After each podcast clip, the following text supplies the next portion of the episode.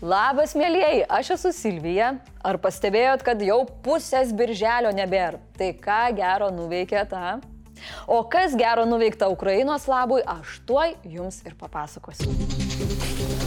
Ukraina vėl miegojo neramiai. Į šalį skrido raketos ir dronai. Nenumuštos raketos pataikė į pramoninius objektus Kryvyryje, sužeistas mažiausiai vienas žmogus. Tačiau yra gerų žinių. Sąjungininkai Japonai rado būdą, kaip galėtų tiekti ginkluotę Ukrainai.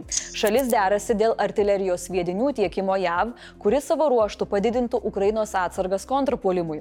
Po skaudžios patirties per antrąjį pasaulinį karą Japonijoje draudžiama eksportuoti ginkluotę į užsienį. Tačiau yra susitarimas su JAV, kuris leidžia dalintis amuniciją. Užtad niekuo nenori dalintis Wagner ir Rusijos karinė vadovybė. Gynybos ministerija pareikalavo, kad visos kariaujančios grupuotės, nepasirašiusios kontraktą su ministerija, pasirašytų kuo greičiau. Kadyrovo Ahmad nulenkė galvą ir pradėjo dėlioti savo autografus. Prigožinas tuo tarpu pasiuntė vadovybę kuo toliau, kartu pasiūsdamas ir Putiną. Dėti statymus, kas ką šiame vorų sloikė suvalgys, galit jau dabar. Dar yra didelė tikimybė, kad visus suvalgys Haimars. Būtent taip nutiko 20-osios Rusijos jungtinės ginkluotojų pajėgų armijos divizijai netoli Kreminos. Prieš mūšį kariai laukia įkvepiančios jų vado kalbos. O kol vadas galvojo, ką pasakyti, už jį žodį tarė amerikietiška raketa. Deja, bet be blogerių komentarų daugiau įrodymų nėra, tad tikiuosi, kad atsiras ateityje. O NATO generalinis sekretorius dar kartą viešai paragino visus palaikyti Ukrainą. Ukrainą. Jis patvirtino, kad ukrainiečiai pilotai jau mokosi valdyti F-16 ir dar kartą patvirtino, jog Putinas nesiuošia jokioms daryboms ar taikai. Ką jam tikrai reikėtų ruošti, tai didesnio tūrio lagaminėlius, nes kai pamatys, kiek teritorijos Ukraina atsikovos per kontrpolimą, jam jų prireiks. Čekijos prezidentas Petras Pavelas kaip tik tikina, kad didelis kontrpuolimas dar prieš akį, o Estijos gynybos ministras teigia, kad tas didesnio masto puolimas prasidės jau artimiausiomis savaitėmis ir primena, kad Ukrainai dabar reikia didesnės pagalbos. Čia taip pritarėm. Pritarėm ir Australijos idėjai blokuoti Rusijos ambasados statybą netoli šalies parlamento. Tai būtų grėsmė nacionaliniam saugumui. Teroristiniai valstybei leidžiama statyti savo diplomatinę atstovybę, tačiau ne taip arti parlamento. Nu, galėtų arčiau kokio nors tai savartino, kur jiems ir vieta. Vidaus reikalų ministrė Agne Bilotaitė nužengė nuo Olimpo kalno ir suteikė malonę opozicijai. Pusvalandį savo brangaus laiko. Ji pažymėjo, kad jos sprendimas nepasirodyti susitikime su opozicinėmis frakcijomis susijęs su įtempta darbo atvarkė. Jeigu jai bus patikti klausimai, ji į juos atsakys. Taip, kaip numato Seimo statutas. Negalima a, taip, kad čia pakviečia, užsimano ir ministras turi toj pat eiti. Ministras stojo į tribūną aiškinti sprendimus priimtus neteisėtos migracijos krizės metu. Tačiau opozicija nepatenkinta, kad jis skaito paruoštą tekstą, paliko Seimo salę. Opozicijos atstovai teigia, kad ministrė tyčia vilkino laiką, taip vengdama atsakyti į klausimus. Skvernelis labai niršo dėl skaitimo iš paruoštuko ir būtent tuo argumentavo posėdžio boikotavimą. Konservatorių lyderis tokį elgesį vadino cirku, o salę palikusius parlamentarus klaunais. Na tai Hebra mokosi iš geriausių, ane Gabrielių?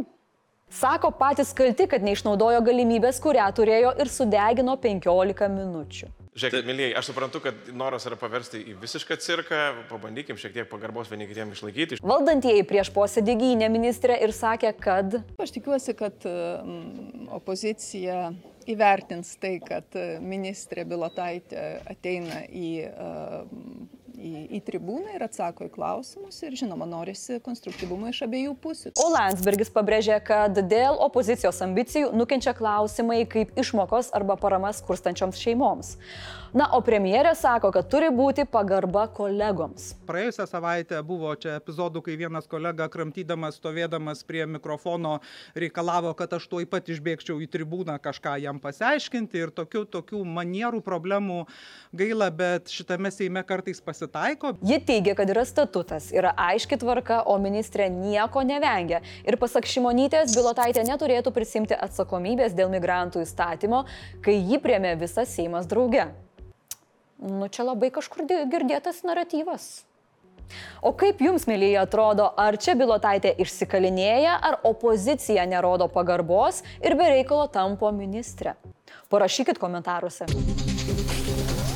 Prezidentas Gitanas Nausėda ragina premjerę Ingridą Šimonytę po NATO samito spręsti dėl dviejų į čekiukų skandalą įsivėlusių ministrų Gintarės Kaistės ir Simono Kairio tolesnio darbo. Visgi Ingrida sako, neketinanti dėl to nieko daryti, tegul patys ministrai sprendžia, ar jiems toliau dirbti ar ne. Ji nemato vyriausybės krizės ir ketina jai vadovauti tol, kol gebės įgyvendinti programą. Prezidentas savo atsakymo dar nepateikė, iš kur žinau, nes jie su premjerė jau ilgokai nebendrauja tiesiogiai. Nu, nes nėra noro turbūt.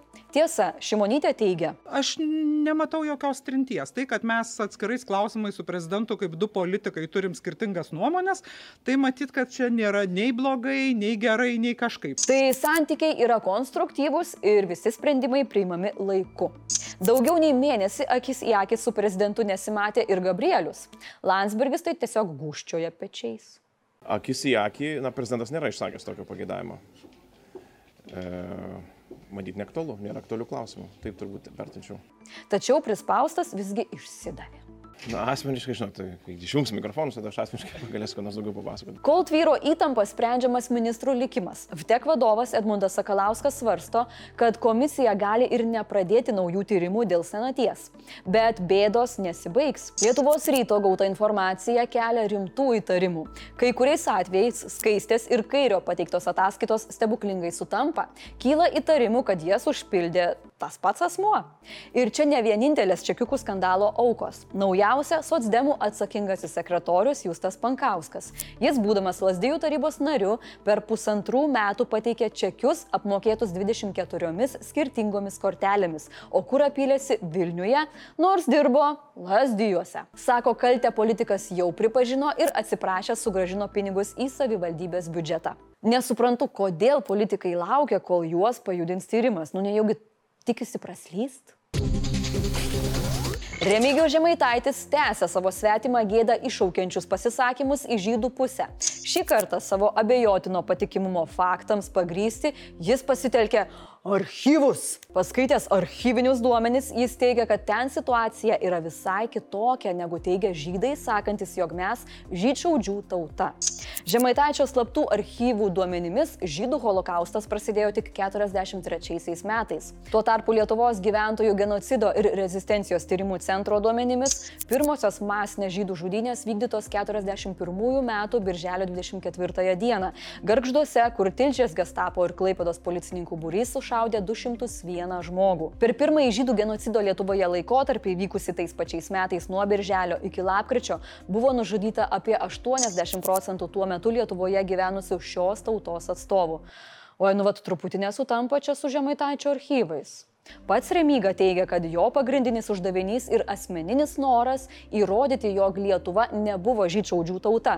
Ir jis iškart tuo pačiu išduoda, kas yra jo tikrasis darbdavys. Pasak Remygos, paversti lietuvius antisemitai siekia KGB ir Sovietų sąjungos vadovybė. Nu kaip keista, kad būtent tuo užsima ir Žemaitaitis. Tikriausiai tik sutapimas. Situaciją pakomentavusi premjerė teigia, kad antisemitizmas yra netoleruotinas absoliučiai jokioje formoje, tad už tokius dalykus reikėtų atsakyti. Ji netgi tikino, kad pati ruošiasi kreiptis į prokuratūrą, nu bet nespėjo, nes generalinė prokuratūra jau yra pradėjusi iki teisminį tyrimą dėl viešo niekinimo ir neapykantos kurstimo. Tai jau antras toks tyrimas dėl žemaitaičio pasisakymų tą pačią temą. Sureagavo ir užsienio reikalų ministras. Jis, kaip ir visi sveiko proto žmonės, mano, jog to tokio pobūdžio pareiškimams Lietuvos politikoje vietos neturi būti. Nu, net sakyčiau, ne tik politikoje. Gabrielius sveikino Teisės saugos pradėtą tyrimą. Išsakė nuomonę ir prezidentas. Pasak jo, antisemitiniai ir tautinę santarvę niekinantis pareiškimai neleistini niekam, juo labiau Seimo nariams. Be Ukrainos karo tikriausiai pirmą kartą matau, kai Landsbergis, Šimonytė ir prezidentas sutarė vienu klausimu. Su tuo ir sveikinu Žemaitaitį. Blitz naujienos. Konstitucinis teismas priemė nagrinėti Seimo kreipimąsi dėl apkaltos Petrui Gražuliui. Jis bus nagrinėjamas skubos tvarka. Nutarime klausima, ar Petro veiksmai, kai balsavo už kolegą, neprieštarauja Konstitucijai. Vilniaus policija pripažino visuomenininką humoristą Olegą Šurajevą Seime pažeidus viešąją tvarką, įžeidinėjus kai kuriuos politikus. Šurajevui bauda dar nėra paskirta, jo byla rašytinio proceso tvarka bus nagrinėjama Liepos pradžioje. Agne, aš jums šokoladą atnešiau. Aš jums atnešiau šokoladą, galit paimti. Olegas nesutinka su nustatytais pažeidimais. Nukentėjusiaisiais įvardyjami Aidas Gedvilas, Mindaugas Puidokas, Remigijus Žemaitaitis, Dainius Kepenis, Agne Širinskinė ir Petras Gražulis. Šiaip visi šitie išvardinti herojai yra kaip Avengeriai, tik jie į pagalbą ateina Rusijos prašymų, kai reikia ant e, paramos Ukrainai užstumti ar ant žydų. Dėl sausros vis daugiau savivaldybių skelbiant ekstremalę situaciją, Žemės ūkio ministerija kartu su ekspertais penktadienį spręs, ar siūlyti vyriausybei paskelbti ekstremalę situaciją visoje Lietuvoje. Žemės ūkio ministras Kestutis Navickas sako, kad dėl ilgos sausros ministerija žada palengvinimų ūkininkams, o nukentėję turės kreiptis į nacionalinę mokėjimų agentūrą. Ekstremalę situaciją jau paskelbė Klaipedos, Kretingos, Vilkaviškio, Rokiškio, Plungės ir Šilutės rajonų savivaldybės savivaldybės. O didmeščiuose dėl sausrinių orų iškilo dar kita problema - išaugo vandens suvartojimas, tad fiksuojami vandens tiekimo sutrikimai - mažėjantis slėgis, didėjantis drumstumas. Tuo tarpu orai ir klimatas Lietuvoje prognozuoja, kad jau netrukus gali praūšti audros. Orų stebėtojai sako, kad po tokio ilgo sauso laikotarpio bus išties įdomu stebėti, kiek intensyvumo išspaus debesis. Mėlyjei, noriu priminti šios dienos klausimą. Kas šioje situacijoje labiau išsikalinėja? Ministrė Bilotaitė ar Seimo opozicija? O prieš einant į svečius, nepamirškite pasibelsti.